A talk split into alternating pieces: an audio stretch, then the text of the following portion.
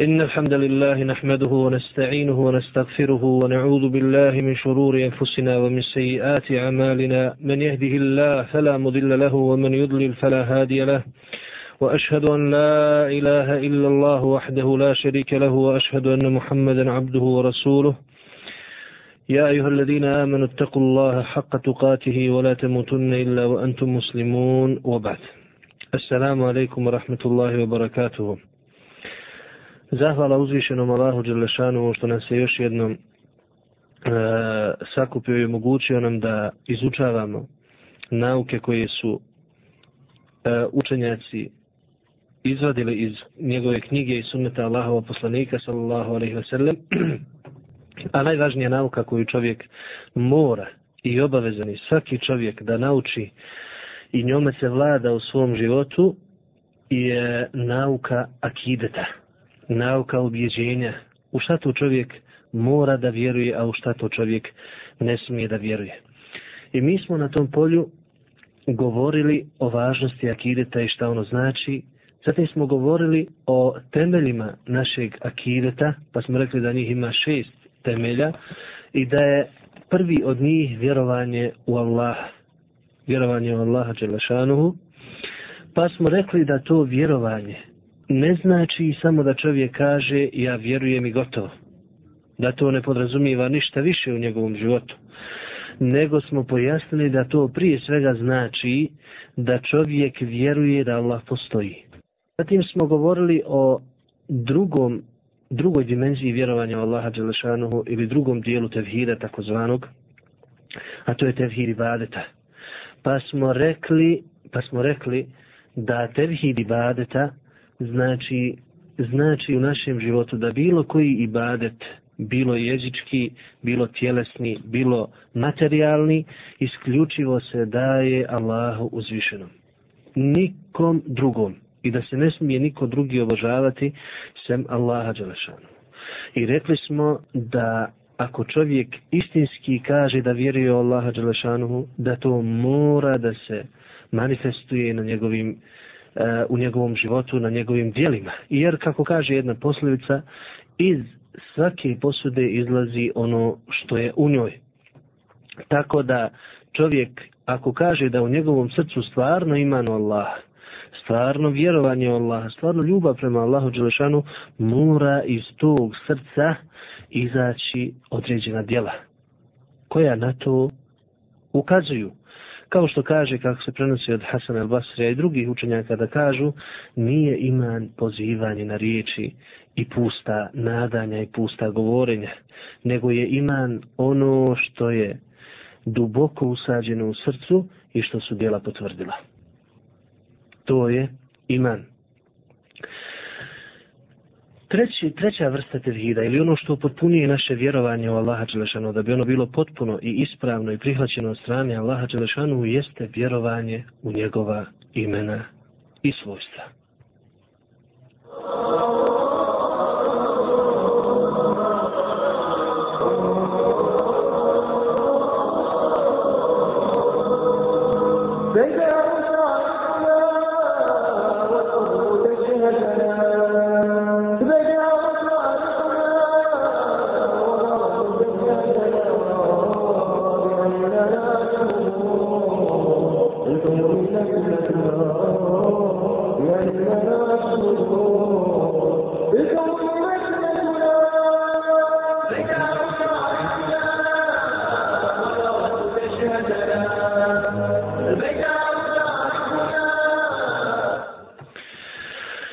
Suštini kažu učenjaci, vjerovanje u imena i svojstva spada u Allahov rububijetu njegovog gospodarstva.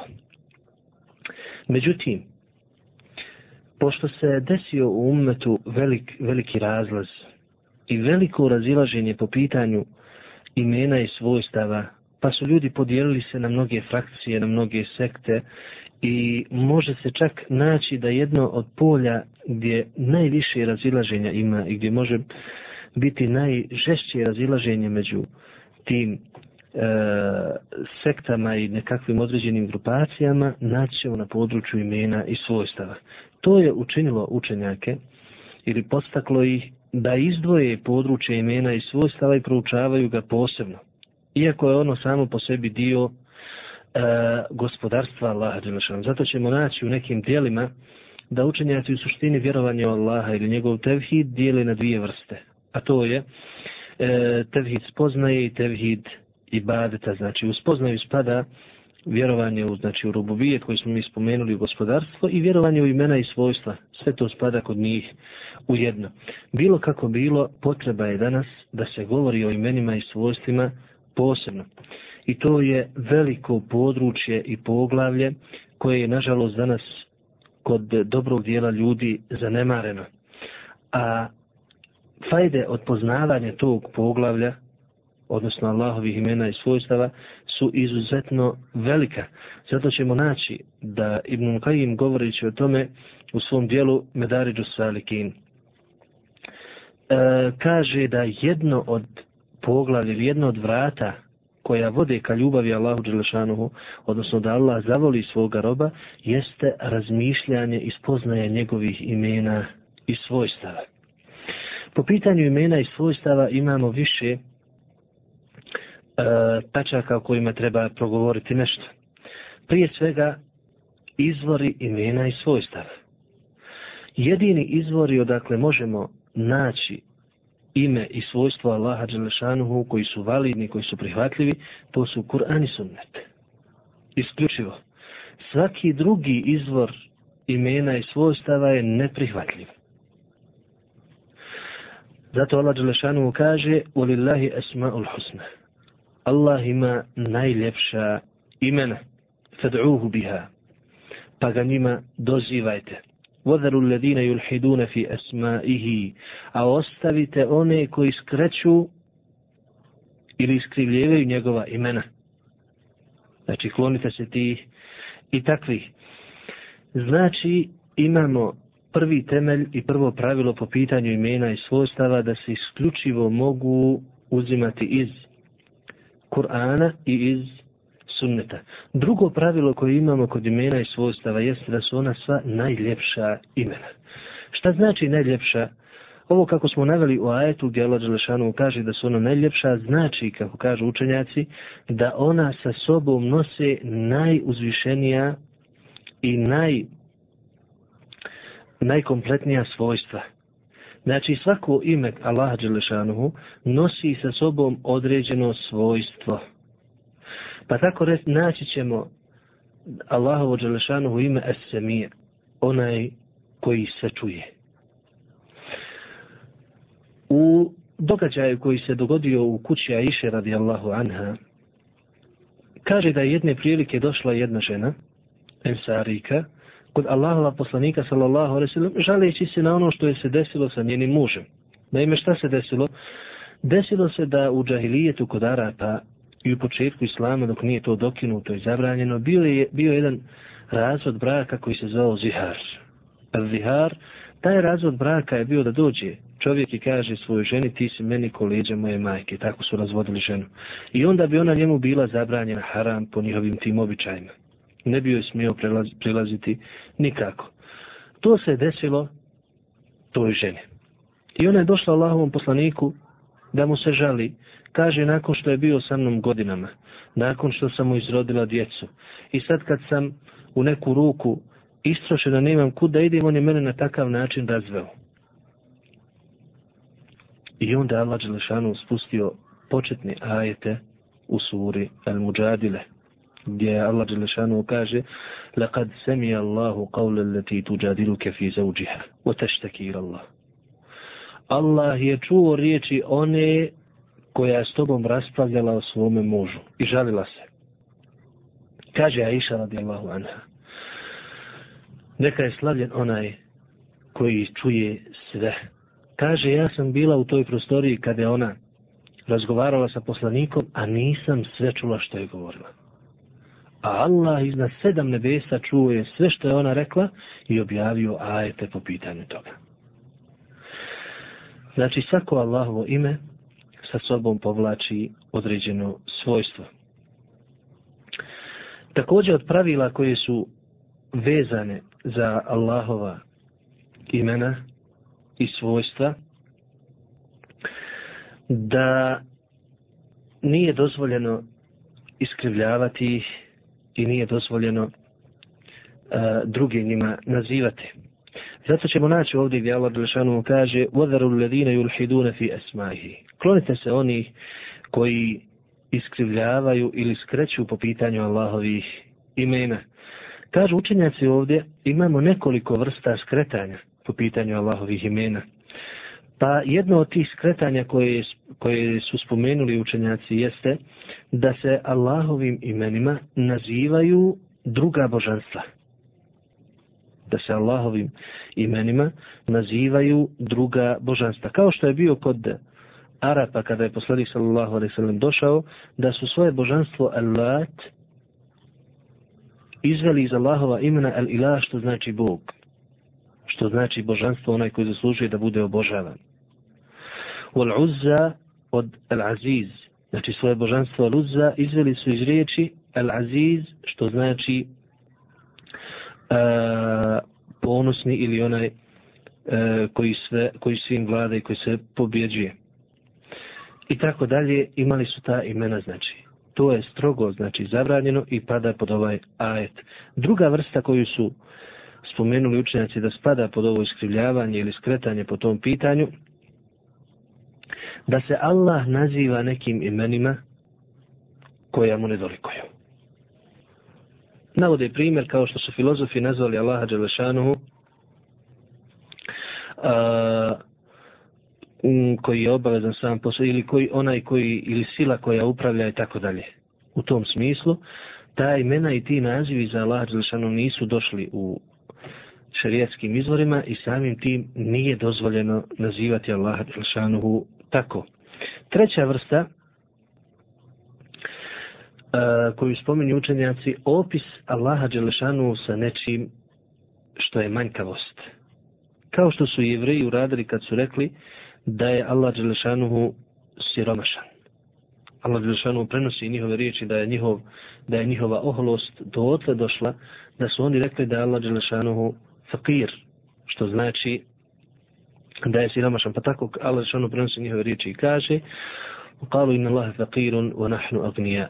Rekli su Allah je siromašan, a mi smo bogati. Pa je Allah Đelšanu zbog tih riječi prokleo. Također su opisali Allaha Đelešanu da je njegova ruka stisnuta. وَقَالُوا يَدُ اللَّهِ مَغْلُولَ. Allahova ruka je stisnuta, to jest ne dijeli i ne udjeljuje. غُلَّتَ i dihim بِمَا bima kalu. A njihove ruke bile stisnute i prokleti bili zbog toga što govore. Četvrta vrsta koju učenjaci spominju, e, bilo kakav vid negiranja ili njihova, njihovih značenja, negiranja njih samih imena ili njihovih značenja koje je Allah Đelešanu objavio ili koja su došla u sunnetu. Kao što su neki govorili, pa kažu, rećemo, sva ta imena su samo nazivi za Allaha Đelešanu, nemaju nikakvog e, značenja. Pa tako kažu, rećemo, esemije, onaj koji čuje, to je samo Allahovo ime, ali ne znači da Allah sve čuje i tako dalje što spada u veliko skretanje po pitanju toga. Bilo kako bilo, kakava je naša obaveza i kakav je naš stav po pitanju Allahovih imena i svojstava. Kažemo, vađib i obaveza je za nas da vjerujemo u svako ime i svojstvo koje je došlo u Kur'anu i u sunnetu, onako kako je došlo, bez ikakvog iskrivljavanja, negiranja, ulaženja u kakvoću, niti poređenja sa nekim od njegovih stvorenja. Kako to Allah Đelešanu kaže, lejse ke mislihi šeji, uohu se mi al basir. Ništa nije kao on, ili njemu ništa nije slično, a on je onaj koji sve čuje i sve vidi. Od tačaka koje su vezane za područje imena i svojstava je i pitanje da li su Allahova imena ograničena brojem. Znači, da li nam je, da li nam je poznat broj Allahovih imena? Kažemo po tom pitanju da je tačno da, da nam je nepoznat broj Allahovih imena. Šta nam je dokaz za to? Dokaz je poznata dova koja se prenosi od Allahova poslanika sallallahu alaihi ve sellem dova za, za brigu i tugu kada čovjeka pogodi nekakva briga i tuga, poslanik sallallahu alaihi sallam je podučavao svoje ashabe da kažu u tome o, dovu i između ostalog je naveo وأسألك بكل اسم هو لك سميت به نفسك أو أنزلته في كتابك أو علمته أحدا من خلقك أو استأثرت به في علم الغيب عندك I molim te svakim tvojim imenom koji se objavio u svojoj knjizi, koji se objavio u nekom od svojih poslanika i tako dalje, i koji si, obi, koji si ostavio kod sebe. Znači, nikom nisi objavio ta imena. Ova rečenica ovdje dokaže da ima imena koje nama nisu, koja nama nisu, znači, objavljena. Što ukazuje da njihov broj nama je nepoznat. To prvo. Ono što je možda problematično kod nekih, to je hadis koji bilježi imam Buhari i drugi u svojim zbirkama, gdje kaže poslanik sallallahu alaihi wasallam Inna lillahi tis'an wa tis'ina isman min ahsaha dakhala al-janna, au kema kal sallallahu alaihi wasallam Allah ima 99 imena koji pobroji, to jest koji ih nauči i razmišlja o njihovim značenjima i rade po onome kako to što ona podrazumijevaju, ući će u džennet. Kažemo ovaj hadis ne znači da Allah ima samo 99 imena.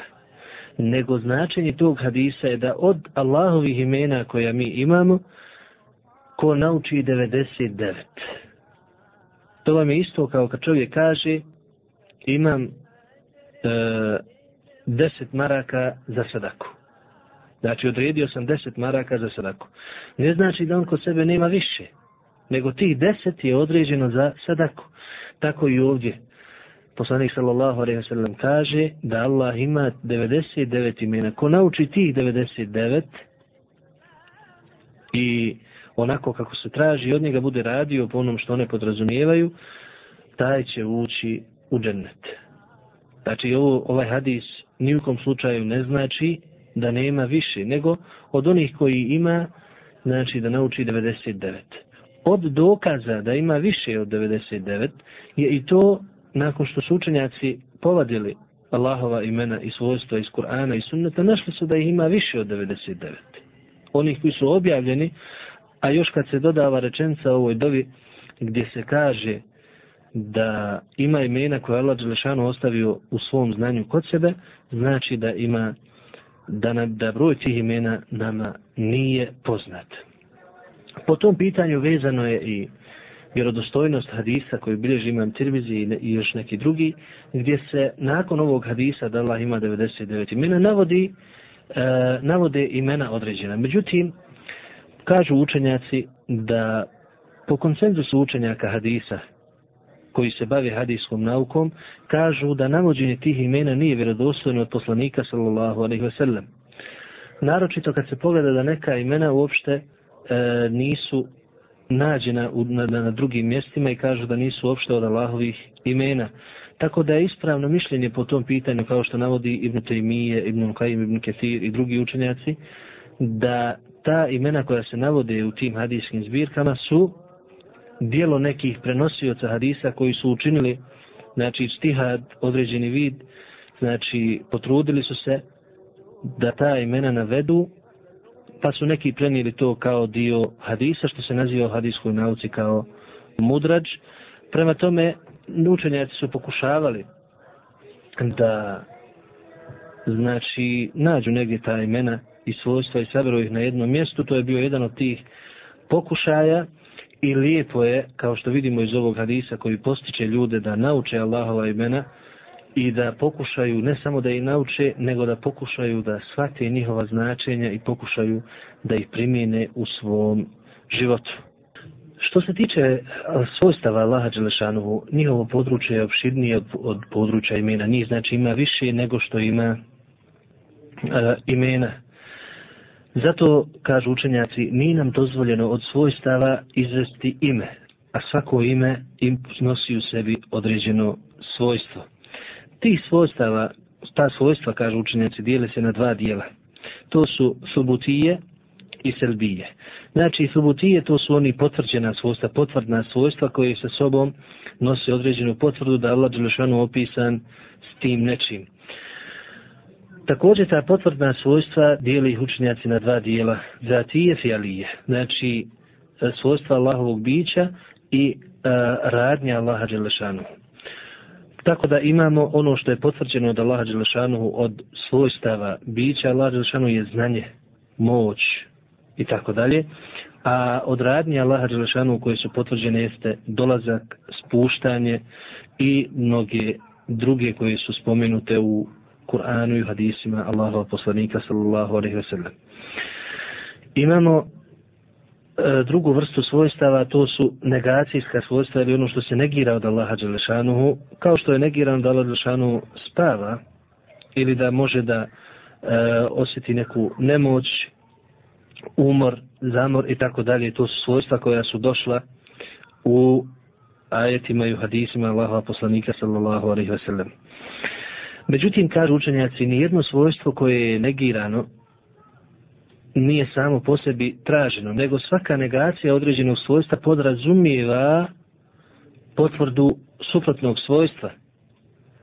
Potvrdu suprotnog svojstva i zato ćemo vidjeti da ovih svojstava koja su negirana, vrlo malo ih je spomenuto i to kao kažu učenjaci otprilike u tri oblika, a to je u opštem obliku negacija tih svojstava kao što Allah Žešanu kaže lejseke mitlihišej, ništa nije kao on.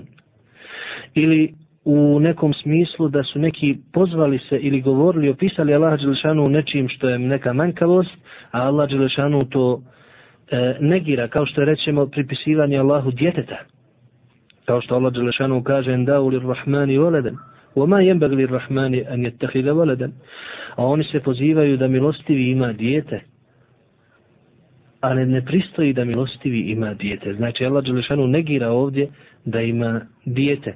Ili ako je u nekom određenom svojstvu kako je, kako je došlo u nekim ajetima u nekom određenom svojstvu uh, potrebno da ne bi neko razumio pogrešno neku manjkavost, pa Allah Đelešanu to negira da ne bi ko pomislio tu, na tu manjkavost. Kao što Allah Đelešanu kaže, وَمَا خَلَقْنَا السَّمَوَاتِ وَالْأَرْضَ وَمَا بَيْنَهُمَ لَعِبِينَ Mi nismo nebesa i zemlju i ono što između njih stvorili igrajući se. Znači negira ovdje ovaj, ovaj vid svojstva. Ostaje nam još da pojasnimo da ne postoji u području imena i svojstava nešto što je nepoznato za nas značenje toga, kao što neki e, su pokušali da kažu. Znači svako ime koje Allah Đelešanu objavio u Kur'anu ili ga je spomenuo Allahu poslaniku sunnetu i svako svojstvo koje je spomenuto u Kur'anu ili je spomenuto u sunnetu, zna se njegovo značenje. Znači šta to znači. Jedino ono što se ne zna, ono što se ne zna jeste kakvoća tog svojstva. Znači mi ne ulazimo u tu kakvoću, nego potvrđujemo onako kako je došlo u, u samom tekstu. Najbolje nam o tome govori primjer imama Malika, kada mu je jedne prilike došao čovjek dok je bio u mešćidu i postavio mu pitanje. Kaže, Allah Đelešanu kaže, Ar-Rahmanu alal arši stela milostivi se iznad Arša uzdigao. Arš Allahovo prijestolje koji iznad sedam nebesa. Kako se je uzdigao? Odi pitanje. Znači pita kako, kakvoći uzdizanja. Pa ima Malik spustio glavu. I to mu je pitanje tako teško palo da mu se je čelo orosilo znojem pa je rekao poznatu rečenicu koja je kasnije kod učenjaka postala pravilo za sva druga svojstva. Elistiva u malum. Uzdizanje je poznato. Znači zna se u jeziku šta znači uzdizati se. Wal kejfu međhul. A kakvoća tog uzdizanja je nepoznata. Jer mi ne znamo biće Allaha Đelešanu, prema tome ne možemo znati ni kakvoću. Wal imanu bihi wajib, a vjerovati u uzdizanje je vađib. Zašto je vađib? Zato što je spomenuto u Kur'anu i to kao kažu učenjaci na sedam mjesta. Prema tome je svojstvo potvrđeno Kur'anom na više mjesta i obaveza je vjerovati u to. Wasu alu anhu bidah. A pitati o toj kakvoći je novotarija. Šta znači novotarija? Znači da tu prve generacije nisu pitale. Nego su vjerovale, znale su šta to znači i tako su to uzele i prihvatile bez ulaska u kakvoću jer ne može se ni ući u kakvoću. I znači, rekli smo ove riječi imama Malika, može čovjek da primijeni na bilo kakvo svojstvo i na svako svojstvo, znači, koje se spominje u Kur'anu i u sunnetu. Još jednom napominjemo važnost ovog poglavlja i ovog područja, da čovjek se upozna sa Allahovim imenima i svojstvima. Primjetno je, nažalost, kod nas da manjkavost man, i da imamo jednu vrstu manjkavosti literature po ovom području, na ovom području, znači koje pogotovo literatura koja objašnjava značenja tih imena. Možda ima nekoliko brošura ili e, knjigica, ali ono što je potrebno da se ovo područje obradi i sa strane pravila koja su vezana za ovo vjerovanje, a i sa strane značenja tih imena i svojstava.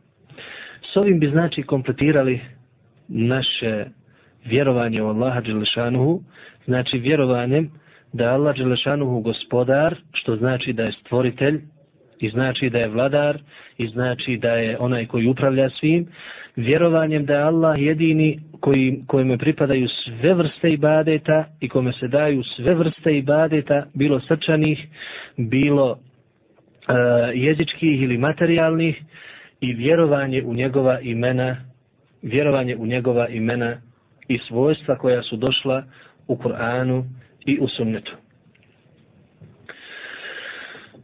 Ovo nas je sve dovelo do jedne teme, a to je spoznaje suprotnosti tevhida. A to je mnogoboštvo. Šta to znači mnogoboštvo? Šta to ono m, dovodi sa sobom? Šta to znači? Znači u čovjekovom životu i tako dalje.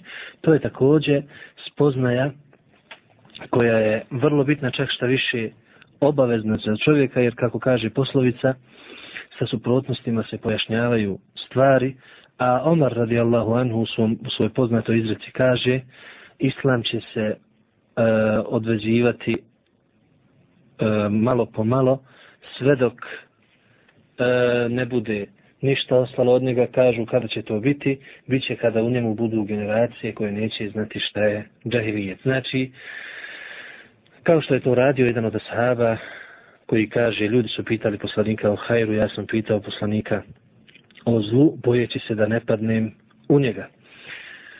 Tako da je obavezno čovjeku također da spozna šta je to mnogoboštvo ili takozvani širko kojem puno, puno čujemo. Šta je to širk ili mnogoboštvo? Širk je da neko, neku posebnost koja pripada Allahu isključivo, damo ili pripišemo nekom drugom. Svejedno bilo to u Allahom gospodarstvu, ili u području ibadeta, ili u imenima i svojstvima.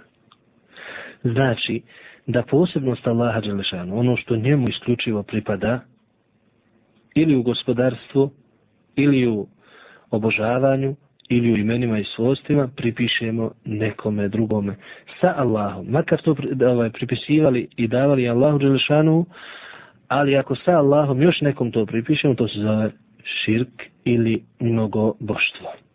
Širk, kažu učenjaci, je najveći grije. I to je jedini grije koji ako čovjek umre s njim, ne postoji nada da mu može biti oprošteno ili da mu se smiluje. Šta nam je dokaz za to? Dokaz za to su riječi uzvišenog Allaha gdje kaže Inna Allahe la jagfiru an yushrake bihi o jagfiru ma dune dhalike li men ješa. Allah neće oprostiti nikom da mu širk čini. Da još nekog drugog obožava sa Allahom, neće Allah to oprostiti. To jest ako umre s tim, ako se pokaje prije smrti i pođe Allaha jedinog obožavati, Allah će prihvatiti tu teobu. Ali ako umre s tim, Allah ne prihvata tu teobu, a oprostit će ono što je mimo toga, znači ispod toga od grijeha koji nisu na stepenu širka i mnogoboštva, onome kome hoće. Također Allah obavještava da je i džennet onome ko umre, a bude sa sobom imao širka, odnosno mnogoboštva. Pa kaže, inna man yushrik billahi faqad harrama Allahu alayhi al-jannah ومأواه النار وما للظالمين من أنصار onaj ko obožava nekog još sa Allahom, ko ima širka određeno kod sebe, znači i umre s tim, Allah mu je haramio džennet, znači zabranio ulazak u džennet. I ne samo to, njegovo mjesto boravka je u vatri. Znači u džehennemu, u amari zalimine min ansar. A zulumčarima, znači Allah Žešanu ovdje te i takve naziva, zulumčarima, da su to pravi zulumčari, nema pomagača. Znači, neće moći pomoći sebi, niti će moći neko drugi pomoći. Ono spomenuo u vatri, kažu učenjaci, to je vječni boravak. Od opasnosti širka je i to što povlači za sobom neprihvatanje bilo kakvih dijela sve mu se dijela ruše i bivaju neprihvaćena. Bilo s čim, bilo kakvo dobro dijelo da uradi, Allah Đelešanuhu ne prihvata ta djela na ahiretu.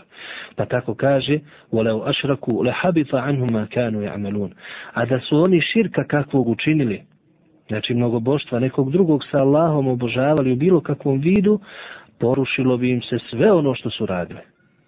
Ne bi im znači bilo prihvaćeno na ahiretu.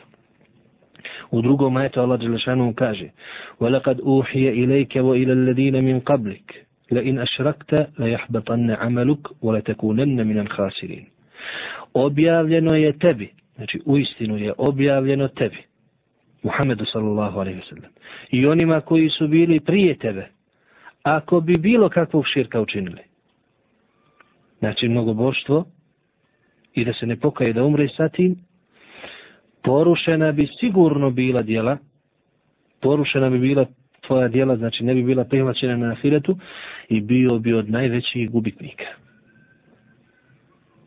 Znači ovdje vidimo jasno da Allah Đelešanuhu sa tim ne prihvata nikakva djela. Može neko se pitati šta je sa djelima uh, onih uh, koji su uradili nekakva dobra na Dunjaluku, a nisu, znači imali su sa sobom nešto od toga, od tog širka. U nekim hadisima je došlo da ako oni urade kako hajra, Allah Đelešanu da njima na dunjalku. Znači ubrza im njihovu nagradu i oni dobiju nagradu za ta svoja djela na dunjalku. Ali na ahiretu ovi ajeti jasno govore da takvi nemaju ništa. Ukazuje na toj hadis koji bilježi iman muslim u svojoj zbirci da je Iša radijallahu anha jedne prilike pitala da imala nekog svog bližnje koji umru u džahilijetu, a koji je bio izuzetno darežljiv, tako da je imao veliki kazan u Mekki na sredini gdje na, na ulici, na putu, odnosno na Meraj, kako mi to kažemo, gdje je e, klao deve i tu su se kuhale pravilo selo, kogod je htio od putnika namirnika, od siromašnih ljudi u Mekki, dolazio je tu i jeo. Pa pita Iša radijallahu anha, hoće li on imati ikakve koristi od toga na sudjem danu? Pa je poslanik sallallahu alaihi wa sallam odgovara, innehu lem jakul jevmen rabbi fili hati'eti jevmen din on nikada u svom životu nije rekao gospodar moj, oprosti mi moje grijehe na sudnjem danu. Što hoće da kaže da nije vjerovao u taj dan i obožavao je druge, znači bio od onih mušrika, od mnogobožaca koji su obožavali sa Allahom Đelešanuhu ovaj, druge. Također u Sahihu se prenosi da Abdullah ibn Mesud je pitao poslanika sallallahu alaihi sallam Ejudzem bi Adam, koji je grijeh najveći, pa je on rekao aširku billah, znači mnogoboštvo ili obožavanje drugog sa Allahom Đelešanu. Zbog toga su učenjaci posebnu pažnju posvetili ovoj temi i opširno je obradili i našli su da su tekstovi došli, šarijatski tekstovi, sa dvije vrste, ukazuju na dvije vrste e, mnogoboštva ili širka. Pa tako su podijelili širk na veliki i mali. Šta to znači veliki, šta to znači mali?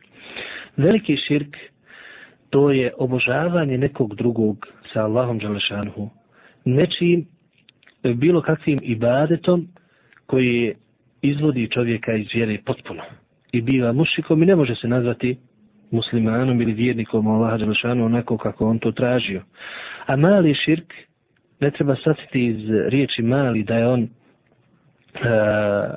nebitan ili da nije veliki. To je od najvećih grijeha, čak učenjaci ga stavljaju da je iznad velikih grijeha poput alkohola i ostalih grijeha, nego je mali u odnosu na ovaj koji izvodi iz vjere, on ne izvodi iz vjere. Znači ovaj mali ne izvodi iz vjere, a njega su učenjaci također podijelili na dvije vrste, vidljivi i nevidljivi. Znači to su podjele, mi ćemo ako Bog da u nastavku pokušati baciti svjetlo na obje ove podjele. Rekli smo da prva vrsta širka ili prva podjela kod učenjaka jeste veliki širk. Većinom se dešavao taj širk u ibadetu, kod većine ljudskog roda. Postavlja se pred nas pitanje, da li je osnova kod ljudi da budu na tevhidu, odnosno na, da Allaha jedinog obožavaju, ili na širku, to jest da su obožavali drugi mimo Allaha.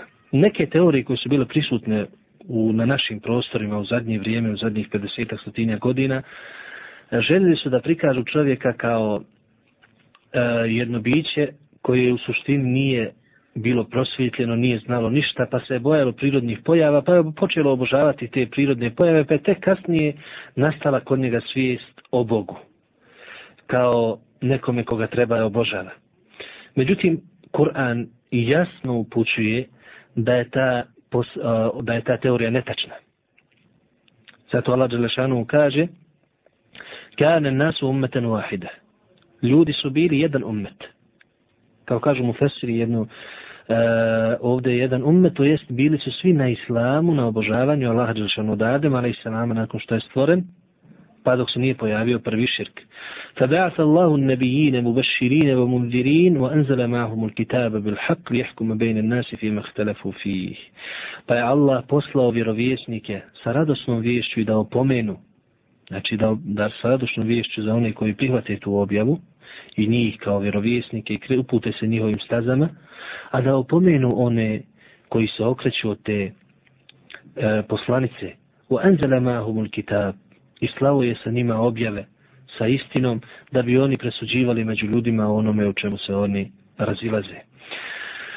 Ibn Abbas, Ibn Al-Hayim, Ibn Taymiye i drugi učenjaci, među njima Ibn Kathir u svom tefsiru, kažu da ovdje jedan ummet znači da su bili na tevhidu, I tek kasnije, kako bilježi imam Buhari od eh, Ibn Abbasa u svom sahihu, da kaže da su ljudi deset generacija ili deset vijekova bili na tevhidu.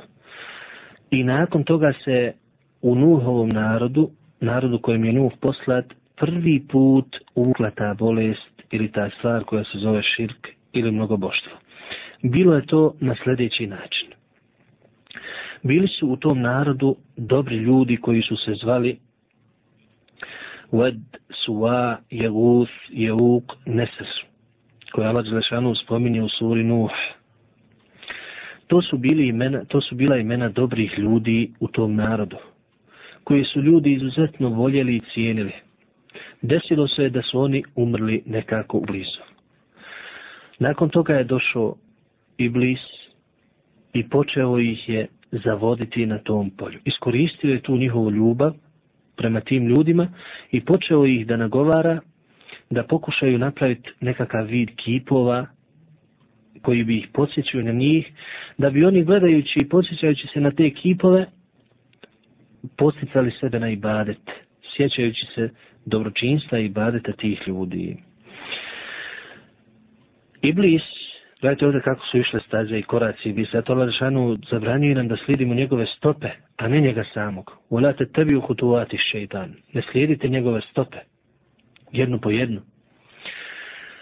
On tu generaciju nije gledao samo na tu generaciju, nego je znao da će doći generacije koje neće imati znanja o tome. I to se i desilo. Došle su, kako kaže Ibn Kajem i drugi učenjaci, generacije koje nisu imale znanja o tome zašto su ti kipovi tu. Pa je onda došao on njima i rekao da su to obožavali njihovi očevi, pa i oni na ta da i pođu obožavati. I tako se je desio prvi vid širka, prvi vid obožavanja nekoga drugoga na zemlji.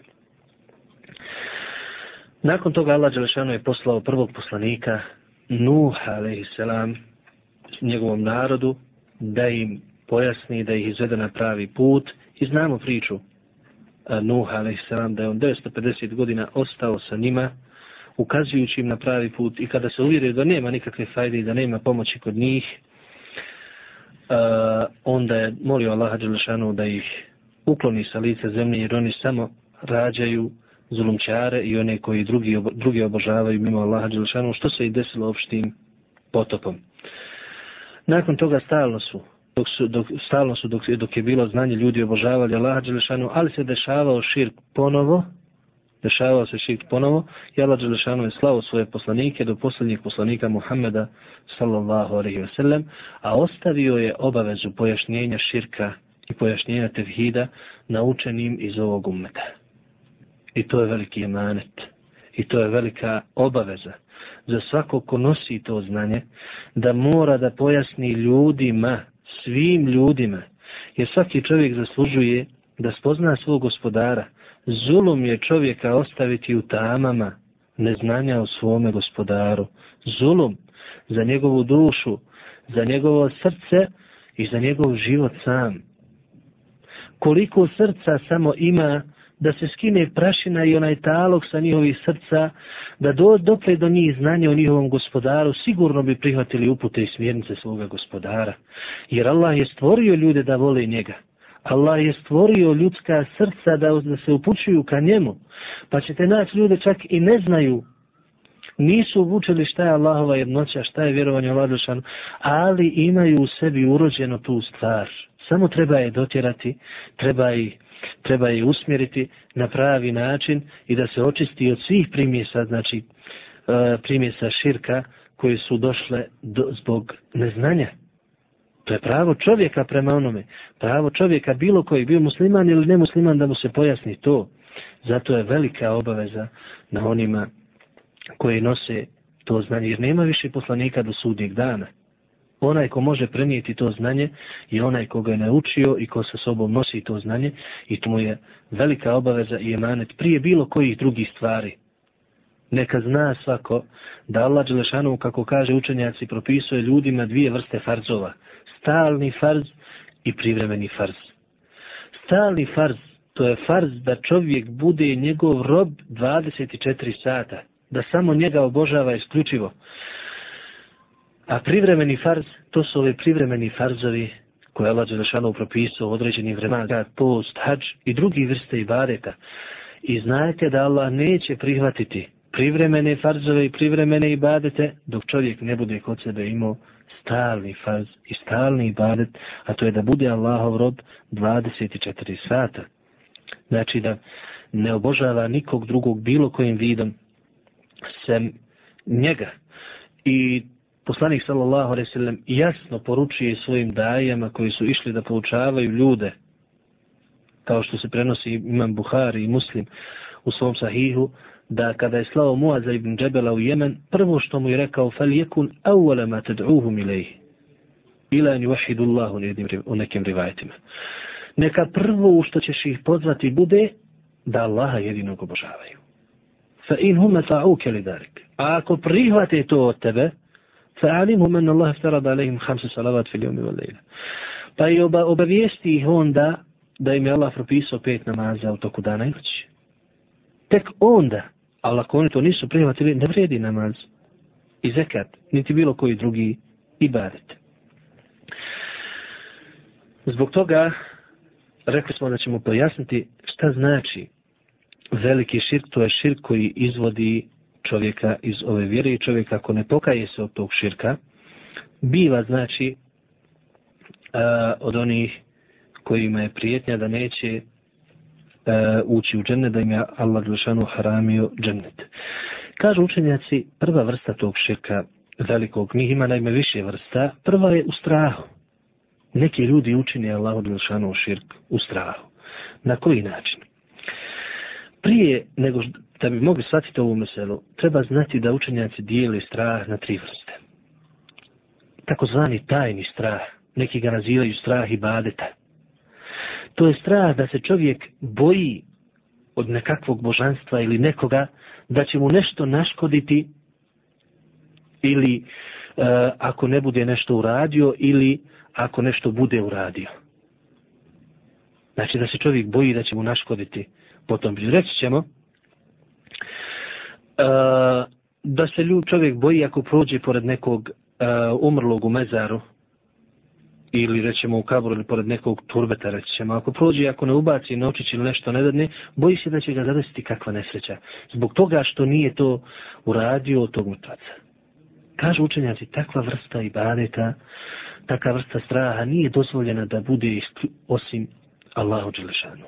Zašto? Jer kažu, to je najuzvišeniji vid ibadeta, da čovjek ako uradi neki grije, ili ne uradi nešto što mu je naređeno da se boji Allahove kazne. To je ibadet. Čak šta više rukun ibadeta. Pojasnili smo da ruknovi ibadeta ima tri. Strah, nada i ljubav.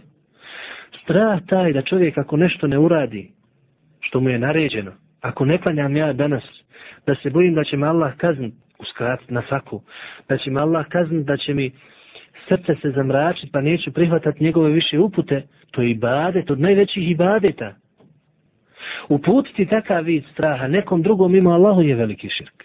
Imamo to primjera, tako su mušnici plašili svoje vjerovjesnike. Tako da Hudu su govorili njegov narod Inna kulu ila terake badu alihetina bisu. Mi mislimo da je tebe neko od naših božanstava pogodilo nekim zlom. قال إني أشهد الله وأشهد أني بريء مما تشركون من دونه Hud a.s. znajući da su njihova božanstva bezvrijedna i da oni nemaju to, ne posjeduju to, nego da je to od njihovog širka i tog straha, znači on, oni to smatraju da on govoreći da su njihova božanstva bezvrijedna, da oni su govorili da će on, on, on ta božanstva pogoditi njega nekim zlom. To je taj vid straha tog tajnog straha ili straha ibadeta, koji nije dozvoljeno bojati se tako osim od Allaha Đelešanu. Pa on kaže njima nakon toga, kaže, ja svjedočim, uzimam Allaha za svjedoka, a i vi posvjedočite da ja ne imam ništa s tim što vi obožavate njih mimo Allaha Đelešanu. Saki li džemijan thumme la tundirun. Svi mi ako hoćete spletke neke pravite zbog toga i nemojte ni malo čekati. Ovo je bilo od poslanika, kako kažu učenjaci muđiza od njega, da svi oni ako hoće da mu se, da pokušaju nešto da nanesu, ne mogu nikakvu, nikakvo zlo ili nešto ružno nanijeti. Također se to dešavalo i našem poslaniku, pa smo govorili, kako Allah Đelešanu kaže, u juhavifune ke bil ledine min duni, oni tebe plaše svojim božanstvima mimo Allaha.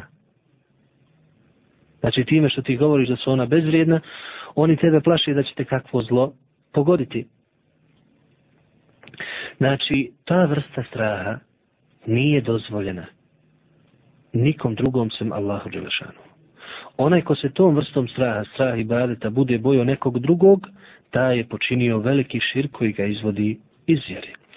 Druga vrsta straha, kažu učenjaci, to je strah koji čovjeka u kojem nema znači tog vida znači E, ibadeta, nego to je strah koji čovjek se boji od nekoga što je stvarna opasnost, ali ga taj strah navede da ostavi vađib ili da uradi haram.